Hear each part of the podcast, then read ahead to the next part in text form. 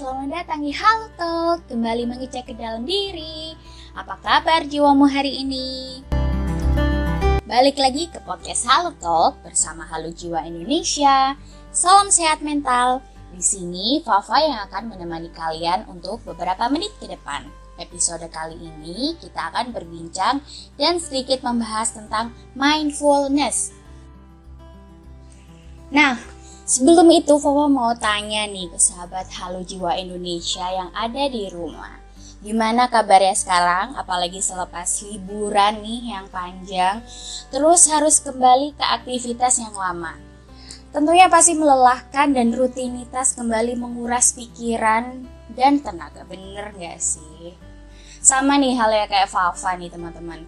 Kadang Fafa ngerasa terlalu monoton kegiatannya, kadang ngerasa bosen, dan gak bisa menikmati apa yang Fafa lakukan. Dan jadinya seperti ke pressure dan malah overthinking. Pastinya di sini bukan hanya Fafa yang merasakan bahwa aktivitas yang terus berulang yang membuat kita jadi bosan. Bahkan kita semua juga jadi terburu-buru dalam menjalani sesuatu atau terlalu berlarut-larut dalam merasakan perasaan dan pikiran negatif yang akhirnya malah membuat kita jadi nggak memaknai hidup ini. Karena Fafa ngerasa hal ini tuh udah nggak baik, nggak sehat dan nggak bisa lah kalau diterusin kayak gini terus. Fafa mulai coba nih cari cara untuk mengatasi itu semua. Nah, terus bertemulah nih Fafa dengan mindfulness. Nah, apa sih mindfulness ini? Kayaknya asing nggak sih bagi teman-teman di rumah? Untuk mindfulness ini sendiri. Nah, mindfulness nih adalah salah satu terapi yang mirip-mirip nih dengan meditasi dan relaksasi yang mana bisa bikin kita itu lebih fokus sama keadaan yang ada di sekitar dan emosi kita bisa lebih stabil. Pokoknya intinya sih mindfulness ini tuh kita lebih mawas diri lah terhadap kondisi sekitar, terhadap apa yang lagi kita lakuin terhadap apa yang lagi kita rasakan dan yang kita alami. Bahkan emosi dan berbagai persoalan yang kita hadapin dengan keterbukaan pikiran dan penerimaan diri secara baik tanpa adanya penilaian-penilaian maupun perlawanan terhadap keadaan tersebut. Bahkan nih, kalau kita membahas lebih jauh tentang mindfulness sendiri, mindfulness ini punya nih karakteristik khusus. Yang pertama ini adalah belajar belajar untuk melihat hal-hal atau perilaku yang gak familiar yang ada di situasi, berkomunikasi atau interaksi yang melihat hal tersebut sebagai suatu yang baru. Yang kedua nih belajar untuk melihat situasi, interaksi, dan berbagai pandangan atau lebih dari satu sudut pandang atau bisa disebut seperti multiple perspektif yang ketiga, karakteristiknya adalah belajar untuk hadir sepenuhnya dalam situasi komunikasi dan orang yang dalam interaksi secara keseluruhan. Dan hal ini biasa disebut dengan holistically. Yang terakhir, karakteristik dari mindfulness adalah belajar untuk menciptakan kategori-kategori baru melalui perilaku yang tidak biasa dan berusaha untuk memahaminya. Selain dengan karakteristik ternyata mindfulness sendiri juga memiliki aspek-aspek khusus nih. Nah, untuk mindfulness itu terdiri dari empat aspek. Yang pertama ini ada observasi, kedua deskripsi, ketiga bertindak dengan kesadaran, dan yang keempat adalah menerima tanpa menilai. Tahu nggak sih teman-teman apa itu dari keempat halnya? Nah, Fofan coba jelasin ya untuk empat uh, aspek nih untuk uh, mindfulness sendiri. Yang pertama adalah observasi. Observasi di sini adalah elemen utama dari mindfulness sendiri itu untuk menekan kita sebagai individu untuk lebih memperhatikan dan meninjau perasaan, pikiran, sensasi, dan emosi yang sedang dialami. Yang kedua ada deskripsi.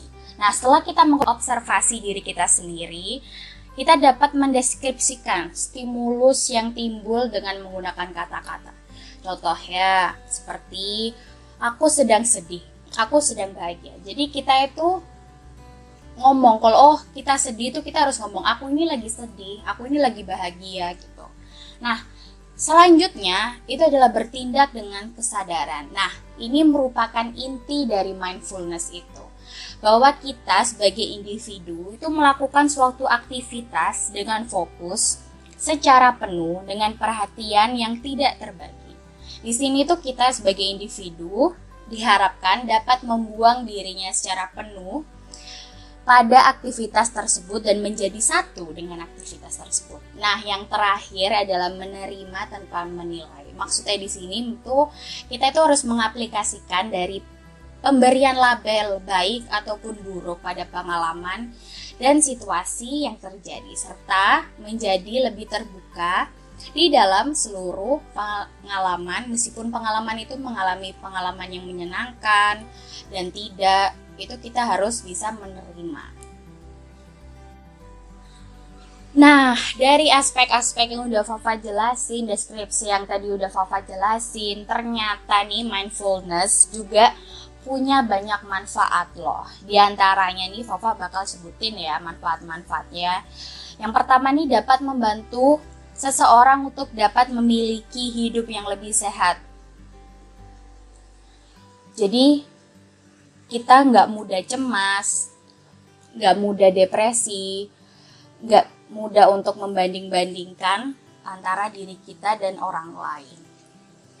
Yang kedua, kita bisa meningkatkan hubungan dengan orang lain. Jadi kita lebih gampang untuk bersosialisasi dengan orang lain.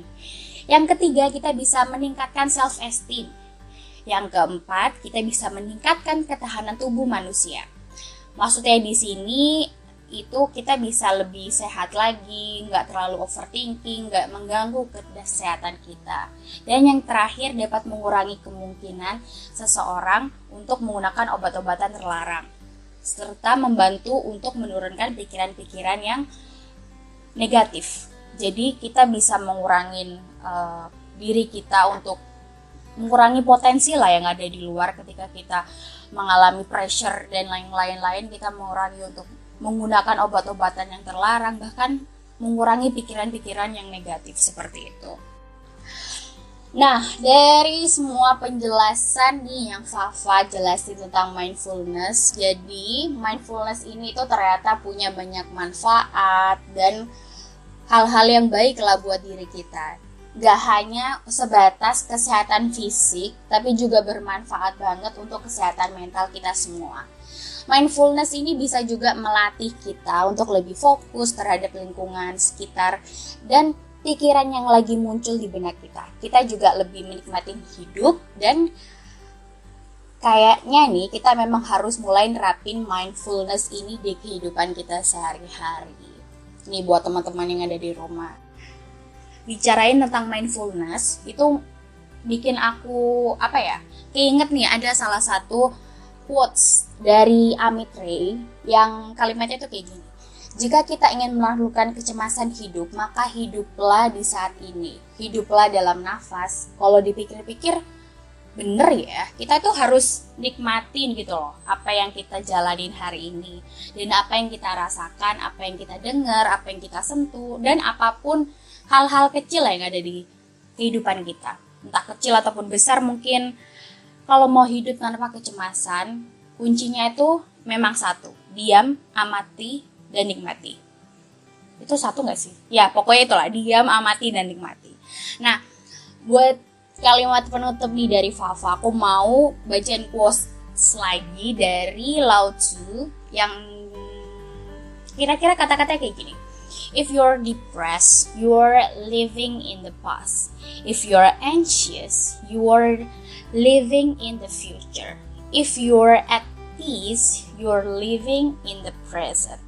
Nah, makasih nih buat semua yang udah mendengarkan episode kali ini. Semoga obrolan kita bisa membawa hal yang positif dan bermanfaat buat kalian semua.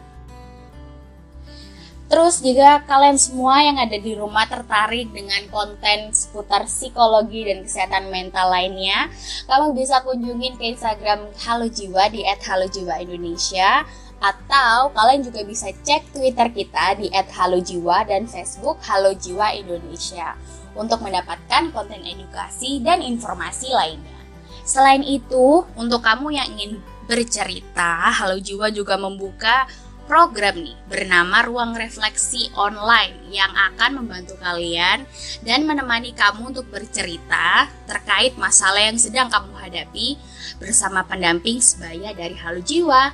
Halo Jiwa juga bekerja sama dengan bullyid.org aplikasi konseling online yang akan membantu dan mendapatkan dukungan emosional dari psikolog yang berlisensi.